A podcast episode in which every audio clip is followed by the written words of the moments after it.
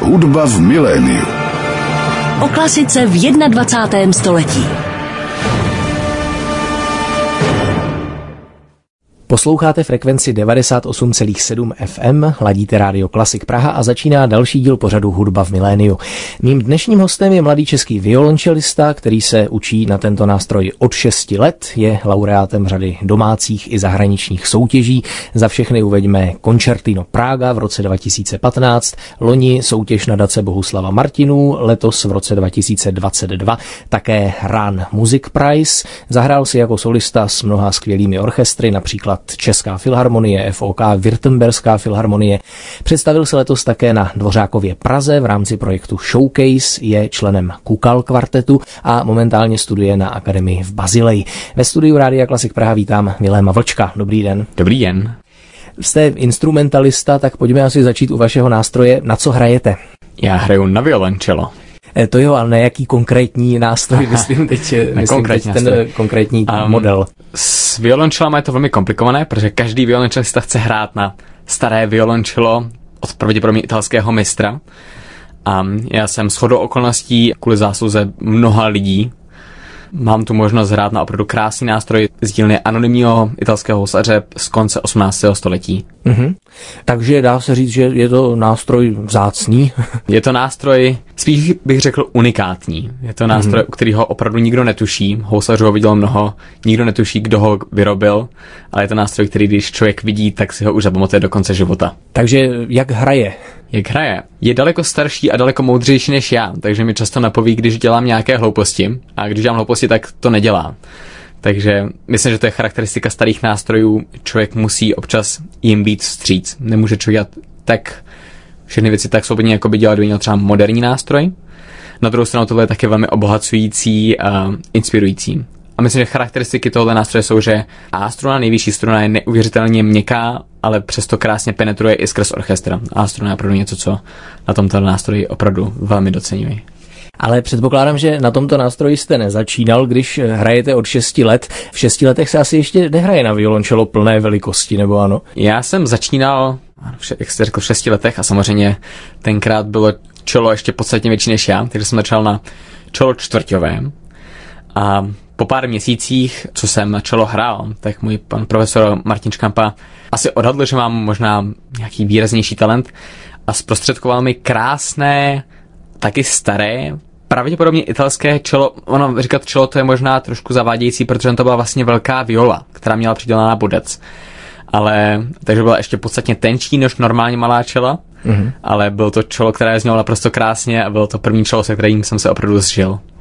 Tak zmínil jste svého učitele, tedy Martina Škampu, takže vy vlastně pocházíte z této legendární violončelové třídy Martina a ještě předtím Mirka Škampových. Tak mohl byste možná vyjmenovat, kdo všechno vás učil a kteří pedagogové vás postupně formovali a čím vás ovlivnili? No, co se týče mých pedagogů, tak tam je to velmi jednoduché. Já jsem začal u Martina Škampy, když mi bylo 6 let. Potom v 11 jsem přešel na gymnázium Jana Nerudy, dneska gymnázium a hudební školovní města Prahy, kde jsem pokračoval u Martina Škampy a ještě u jeho tatínka Mirko Škampy. A po maturitě jsem přešel na Muziku akademii do Bazileje, kde jsem teďka již pátým rokem ve třídě Danjula Ishizaki. Takže profesory jako takové jsem měl jenom tři, což myslím, že je poměrně rarita. Mm-hmm. Vy jste také přinesl tady do pořadu řadu nahrávek violončelistů, kteří vás ovlivnili a kteří patří k vašim oblíbeným interpretům, ale i jednu nahrávku svou. My si samozřejmě za okamžik pustíme. Zmínil jste ty školy a že jste chodil na hudební gymnázium tady v Praze, tedy nikoli na konzervatoř. To je vlastně zajímavé. Dá se říct, že to gymnázium jsou taková zadní vrátka toho všeobecného vzdělání, když člověk třeba ještě není stoprocentně rozhodnutý se věnovat hudbě, nebo uvažoval jste o nějakém jiném povolání třeba ještě? Hraní na čelo mě bavilo vlastně si myslím vždycky. To, že budu čelista, jsem se definitivně rozhodl vlastně relativně pozdě. Až dva roky před maturitou jsem teda opravdu řekl, že to studovat půjdu. Nicméně jsem celý život rád a velmi mnoho hrál a ta myšlenka jít na konzervatoř mi hlavou proletla mnohokrát a opakovaně. Nicméně měl jsem pocit, že by mi mohlo všeobecné studium chybět. Měl jsem i jiné zájmy než jenom hudbu. Například?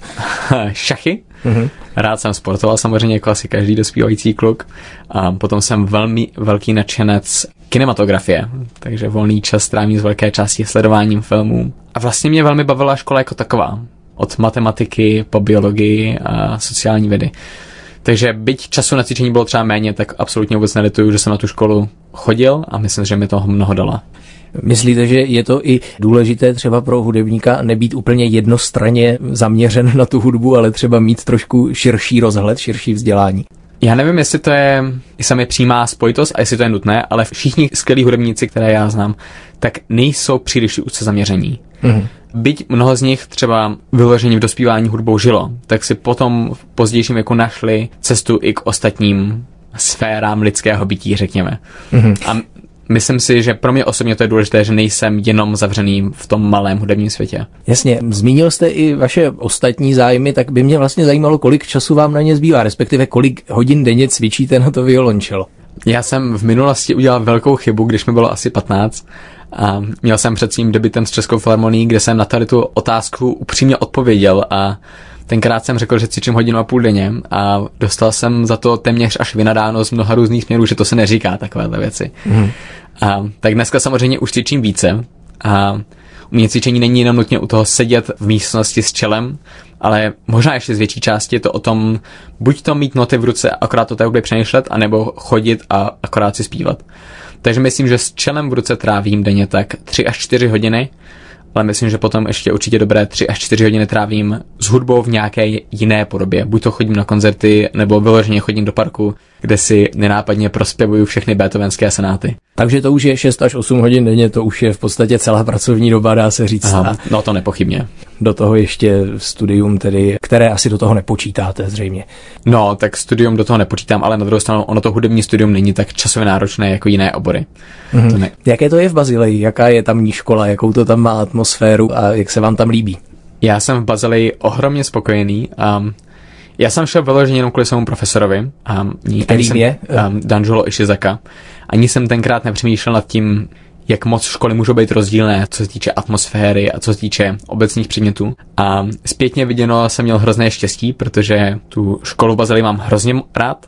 Je to relativně malá škola, ale co se týče administrativy, tak je krásně fungující, poskytuje člověku velké množství um, jak faktické, tak i hudební svobody, což je něco, co vůbec není samozřejmostí, takže se můžu věnovat svým koncertním aktivitám a přitom je to prostředí, které mě neustále ponouká k dalšímu hudebnímu experimentování.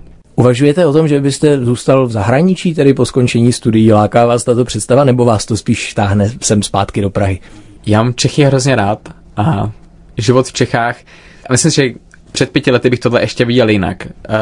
Dneska, tím, že už jsem pátým rokem nyní v zahraničí, tak mi Čechy mnoha ohledech velmi chybí jednak jako země, jednak jako lidé. Myslím si, že specifikovat českého člověka vůbec není jednoduché, ale určitě je nějaká charakteristika, která mě k Čechům velmi přitahuje. Každopádně netroufal bych si teďka odhadovat, kde vlastně za pět let, za deset let, za patnáct let skončím. Mm-hmm. Ale předpokládám spíše asi, jak si aspirujete na mezinárodní kariéru, nebo máte třeba ty ambice. Hraji rád a je mi vlastně docela jedno, kde hraji, ale myslím si, že je pro umělce zdravé, když pravidelně mění prostředí. Takže myslím si, že byť bych byl třeba usídlen v Čechách, tak bych nerad ztratil kontakt se zahraničím, který mám teďka. Mm, jasně. Tak my si tady konečně můžeme poslechnout, jak vlastně hrajete. Jako první hudební ukázku jste tedy vybral svou vlastní nahrávku, tak mohl byste posluchačům představit, o jakou skladbu se jedná, případně i s kým ji hrajete. Je to nahrávka koncertní polonézy opus 14 od Davida Popra a je to nahrávka, kterou jsme udělali s ansámblem LGT Young Solists. Mm-hmm. To je co za ansámbl? To je smyčcový projekt, který je založila Lichtensteinská banka, která a v tomto projektu se mohou potkávat mladí muzikanti a jim zprostředkováno cestování z koncerty a pro mě osobně to byla skvělá příležitost, kde nabít zkušenosti z pódia a i z toho, jak vlastně celý ten, řekněme, hudební biznis funguje. Mm-hmm. Tak pojďme si tedy tuto nahrávku poslechnout. Poslechneme si koncertní polonézu Davida Popra. Solo na violončelo hraje Vilém Vlček. Posloucháte pořád hudba v miléniu na rádiu Klasik Praha a právě teď dozněla koncertní polonéza Davida Popra, kterou hrál můj dnešní host, violončelista Vilém Vlček za doprovodu orchestru LGT Young Soloist. My jsme už mluvili o vašich jaksi učitelích, mluvili jsme o školách, kde studujete, momentálně tedy je to na akademii v Bazileji. Pojďme teď zmínit, kteří violončelisté vás vlastně ovlivnili, kdo jsou vaši oblíbení interpreti, čí styl hry třeba vás inspiruje, kdo jsou vlastně tedy vaše vzory violončelové. To je něco, co se v průběhu let velmi měnilo. Myslím, že jako to každý čelista jsem měl své období, kdy jsem naprosto fanaticky sledoval nahrávky Rostropoviče, potom se to vyměnilo za Jojomu a takhle jsem postupně přišel úplně přes všechny nejznámější violončelisty. Já jsem měl velké štěstí, že jsem vždycky mohl obdivovat své profesory, protože moji profesory byli vždycky zároveň i skvělí hráči. Nejdřív Martin Škampa a v současné době Danjolo Ishizaka. A myslím, že dneska už nemám jenom jednoho ideálního čelistu, k kterému bych se chtěl přiblížit, co se týče být čelistických nebo interpretačních dovedností. Každopádně osobnost, která mě velmi oslovila a do dneška oslovuje také osobnost Borise Pergamenčikova, což byl ruský violončelista, který bohužel zemřel velmi mlád, ve věku 53 let. A byl to profesor mého současného profesora, a vychoval jednu celou mimořádně silnou čelistickou generaci. A velmi mě oslovil jednak jeho styl učení, tak i právě jeho styl hraní, který mě přijde jako mimořádně oduševnělý, ale hudebně velmi konsekventní, což myslím, že je velmi důležité. Mm-hmm. Vy jste od tohoto violončelisty tedy také vybral jednu nahrávku, kterou si za okamžik můžeme poslechnout. Ještě by mě vlastně zajímalo obecně, co se vám líbí na vašem nástroji, na violončelu, co považujete za jeho, řekněme, přednosti, co je na něm vlastně pro vás osobně tak hezké, že jste s tímto nástrojem spojil celou svou kariéru? Já se bojím, že tady bych teďka mohl strávit hodinu tím, že bych pil ódu na to, jak úžasný nástroj violončelo je. Ale máme to zkrátit, tak bych řekl, že u violončela cítím neuvěřitelnou propojenost mezi mnou a tím nástrojem, vyloženě fyzickou, tím, že člověk ten nástroj cítí rezonovat a že to hraní je vlastně velmi fyzický akt a to je něco, co mě už jako od raného dětství vlastně velmi přitahovalo. Je to nástroj velmi fyzický, vlastně takové druhé tělo. A také poměrně podobný lidskému hlasu, nebo se to alespoň říká? Velmi. Já si myslím, filozofií ohledně hudby je mnoho. Moje nastavení je takové, že hudba je řeč. Mm-hmm. A myslím, že to nezáleží na tom, na jaký nástroj člověk hraje. Myslím, že prostě hudba by měla sdělovat tak jako my tady teďka spolu mluvíme, tak hudba by měla být schopná přenášet i nějaké komplexnější informace a emoce, které my bychom slovy nebyli schopni sdělit. A myslím si, že čelo právě i svojí podobností rejstříkovou a i barevnou je velmi podobné lidskému hlasu a právě k tomuhle účelu je velmi vhodné. To mě připomíná, máte nějaké oblíbené zpěváky třeba, nebo věnujete se sám zpěvu, když jste zmínil tady tuto podobnost? Aha, zpěv a já. Já jsem díky bohu chodil jako velmi mladý do sboru. Potom samozřejmě v pubertálních letech jsem na zpěv naprosto zanevřel a nespíval jsem asi tak 10 let. A až právě poté, co jsem přišel do Bazileje, kdy jsme měli několik hodin sboru týdně a museli jsme hodně zpívat ještě na teoretických předmětech, tak jsem si našel cestu ke zpěvu. A než by byl žádný zpěvák, ale každopádně, když mě někdo neslyší, tak rád si zpívám a velmi a mnoho. Mm-hmm. A myslím si, že mi to hodně pomáhá nacházet inspiraci i k mým čelistickým výkonům, řekněme. Takže i instrumentalista by měl umět zpívat podle vás, nebo aspoň by měl být obeznámen tady s tímto způsobem hudebního vyjadřování. Nepochybně, hmm. ale tak, stejně tak si myslím, že instrumentalista by měl být trošku seznámený zrovna klavír a s orchestrací. Myslím, že hudba jako taková není zaměřená jenom na to, co děláme my, ale je to velký komplexní balíček, který člověk musí znát. Tak tady k té všestrannosti se možná ještě dostaneme po další hudební ukázce. Už jsme zmínili jméno Borise Pergamenčíkova, tak teď bychom si mohli tedy pustit nahrávku, na které tento violončelista hraje. Co jste vybral za skladbu? Vybral jsem Elegi Opus 24 od Gabriela Foreho a důvody pro to jsou dva. Jednak protože si myslím, že tato nahrávka je naprosto skvělá. A jednak protože tuto skladbu jsem hrál sám, když mi bylo asi 10 let a pamatuju si, že to byl jeden z velkých prvních intimních hudebních prožitků. Takže je mi to skladba, která je mi, byť jsem ji od té doby nehrál, tak je to skladba, která je mi velmi blízká a když jsem našel tuto nahrávku, kde jeden z mých idolů hraje tuto skladbu, tak jsem nemohl odolat. Tak si ji poslechněme. Posloucháte rádio Klasik Praha, pořad hudba v miléniu. Mým dnešním hostem je violončelista Vilém Vlček a teď nám představil nahrávku, na které účinkuje jeden z jeho oblíbených violončelistů Boris Pergamenčikov, který nám zahrál elegii Gabriela Forého. Když jsme zmiňovali tu všestranost jistou, kterou by měl hudebník obsáhnout, tak by mě zajímalo, jak se díváte na výběr repertoáru, podle čeho si vybíráte repertoár a je pro vás důležité být i v tom repertoáru jak si co nejšířeji zaměřený? To je velmi komplikovaná otázka, záleží na mnoha faktorech, ale měli bych mluvit vyloženě po té hudební stránce. Tak stejně jako všechno, tak i toto se mění v průběhu let, nebo aspoň u mě. A byly doby, kdy jsem se cítil velmi blízko Šostakovičovi a Prokofiovi. Poté jsem měl doby, kdy jsem velmi poslouchal Beethovena a takhle jsem prošel opět mnoho různými fázemi. A musím říct, že já osobně věřím, že je potřeba mít velký záběr, mm-hmm. nicméně také věřím, že není možný být expert ve všem a myslím si, že je důvod na něco se specializovat, nebo aspoň v nějaké době. Myslím, že nemá cenu se snažit naučit všechno naraz. A na co vy se tedy momentálně teď specializujete? Na jaký repertoár? Na francouzskou hudbu. Já jsem strávil velkou část svého života hraní hudby české, ruské a německé a francouzské hudbě jsem se tak trošku vždycky vyhybal, a až letos jsem si vlastně řekl, že už toho bylo dost a musím trošku nakouknout i do tohoto hudebního světa, protože francouzská hudba je v mnoha ohledech velmi unikátní a teďka se zaobírám mnoha díly Ravela, Franka, Sensana. Mm-hmm. V té Bazileji konec konců je to i tady geograficky blízko, řekněme. A čím je ta francouzská hudba tedy specifická konkrétně? To je velmi komplikovaná otázka.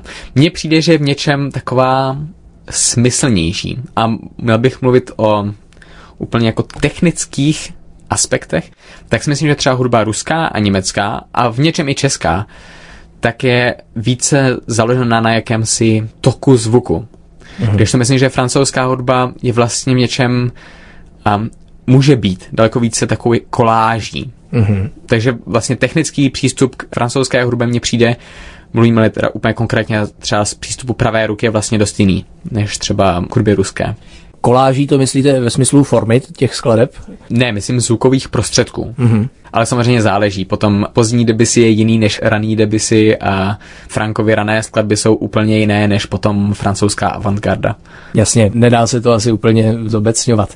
Myslíte si, že mladý hráč by měl nejdříve projít takovým tím kanonickým repertoárem a až poté třeba se věnovat soudobým skladbám, nebo by se měl věnovat soudobým autorům už od začátku? Jak to máte vy třeba? Já jsem převážně studoval, můžeme to nazvat kanonickými skladbami a k soudobé hudbě jsem se dostal relativně pozdě, až asi v 15 letech, to bylo poprvé, co jsem hrál vyloženě soudobou, co jsem něco premiéroval ale myslím si zpětně viděno, že ze soudobé hudby se člověk může mnoho naučit. I kvůli tomu, že často soudobá hudba nemá tak přímočarý hudební jazyk, jako třeba hudba romantická nebo hudba raného 20. století.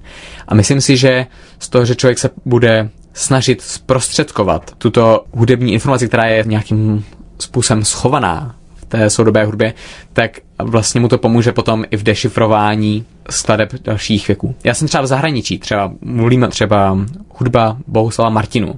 To je něco, co v Čechách dýcháme doslova. Já jsem s hudbou Bohuslava Martinu vyrostl od první koncert, který jsem hrál, tak byly miniatury pro violončelo a klavír od Bohuslava Martinu.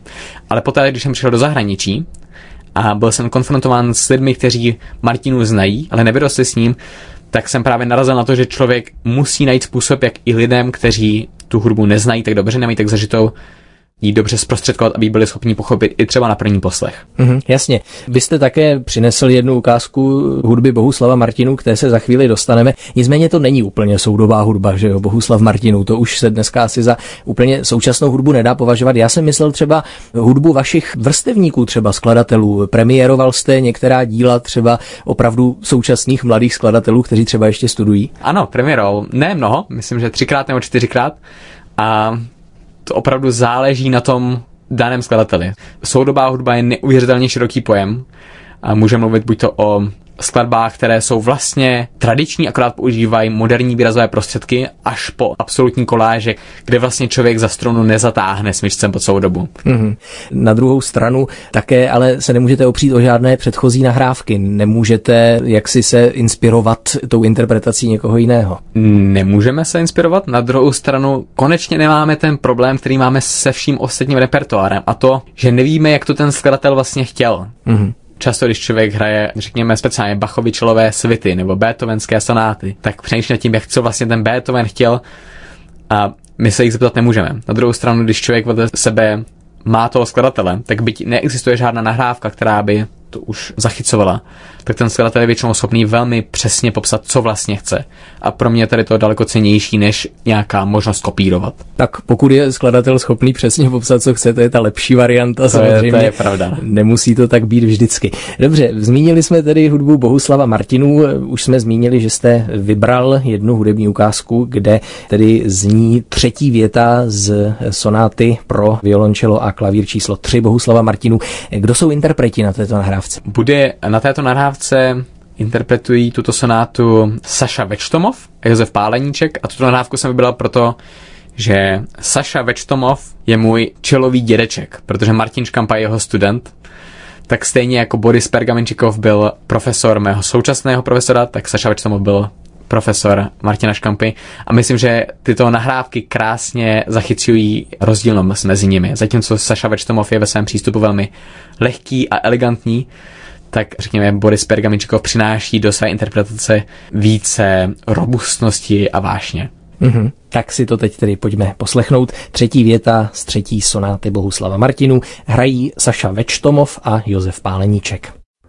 Posloucháte pořád hudba v miléniu, mým dnešním hostem je violončelista Vilém Vlček. Teď jsme poslouchali nahrávku, na níž Saša Večtomov a Josef Páleníček interpretovali třetí větu z třetí sonáty Bohuslava Martinu.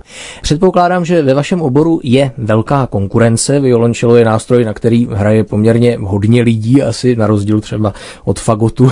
tak by mě zajímalo, co podle vašeho mínění odlišuje ty nejlepší violončelisty od takových těch, řekněme, průměrných. Co dělá toho opravdu mezinárodního skvělého solistu? Jaké to jsou vlastnosti?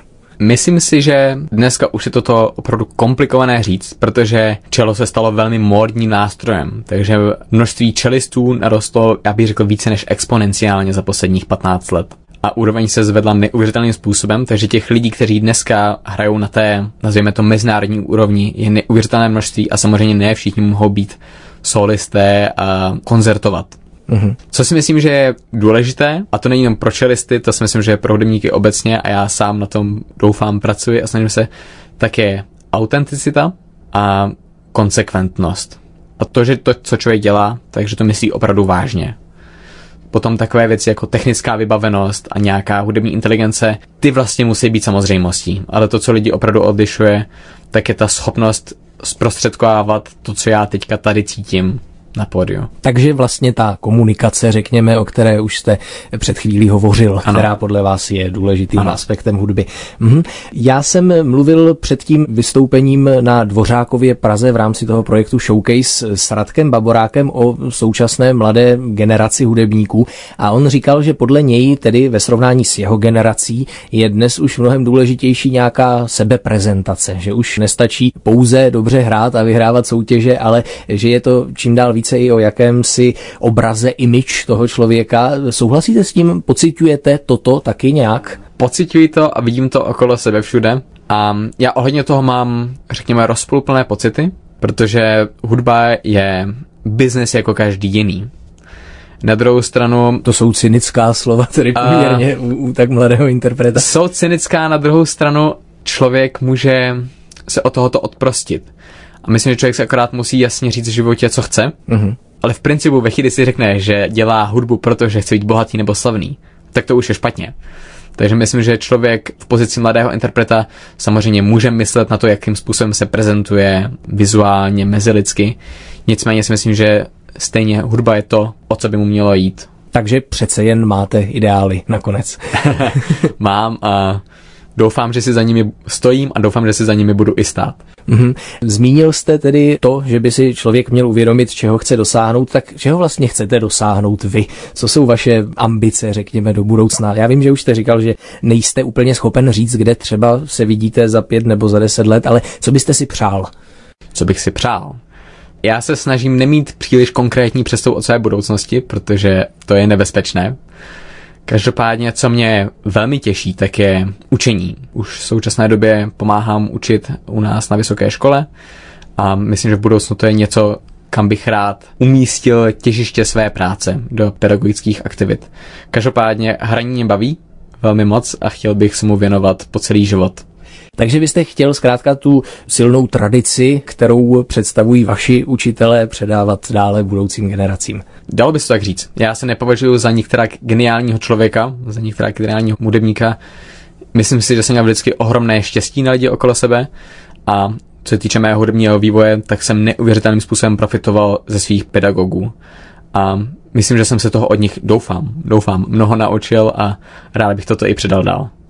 Tak když už tedy nemůžeme hovořit o tak vzdálené budoucnosti, pojďme se možná podívat aspoň do té nejbližší, co vás teď v nejbližší době čeká za koncerty, kde vás třeba posluchači i tady z Prahy nebo z České republiky mohou v nejbližší době slyšet. Já v současné době, tím, že studuji v zahraničí, tak studuji, já hraji hlavně v Švýcarsku, ale v Čechách budu vystupovat, to bude 10. ledna. To budu mít s klarinetiskou Anou Sisovou recitál v Sukově síni Rudolfína. Dobrá, mohli bychom si teď pustit tedy poslední hudební ukázku, kterou jste vybral a na které účinkuje váš učitel, tak mohl byste ji představit? Tak nyní uslyšíte první větu ze sonáty pro solové violončelo od Zoltana Kodáje. A já jsem tuto skladbu vybral, protože to je skladba revoluční v mnoha ohledech. Když ji Kodáj napsal, tak byla považovaná za nehratelnou, což naprosto chápu, proč lidi toto mohli myslet, protože technické obtíže, které v ní jsou představeny, jsou opravdu až nezměrné. Nicméně si myslím, že tato nahrávka je opravdu mimořádná. Můj profesor za ní získal ocení gramofon za nejlepší nahrávku roku a myslím, že to je něco, co stojí za to slyšet. Tak my se s touto nahrávkou tedy rozloučíme i s dnešním dílem pořadu Hudba v miléniu. Jehož hostem byl violončelista Vilém Vlček. Děkuji moc krát, že jste přijal pozvání na Radio Klasik Praha. Ať se vám daří ve studiu i ve vaší koncertní činnosti, i v té činnosti pedagogické, na kterou se chystáte. A budu se těšit někdy opět na setkání za mikrofonem. Já vám děkuji také naslyšenou. Naslyšenou. Hudba v miléniu.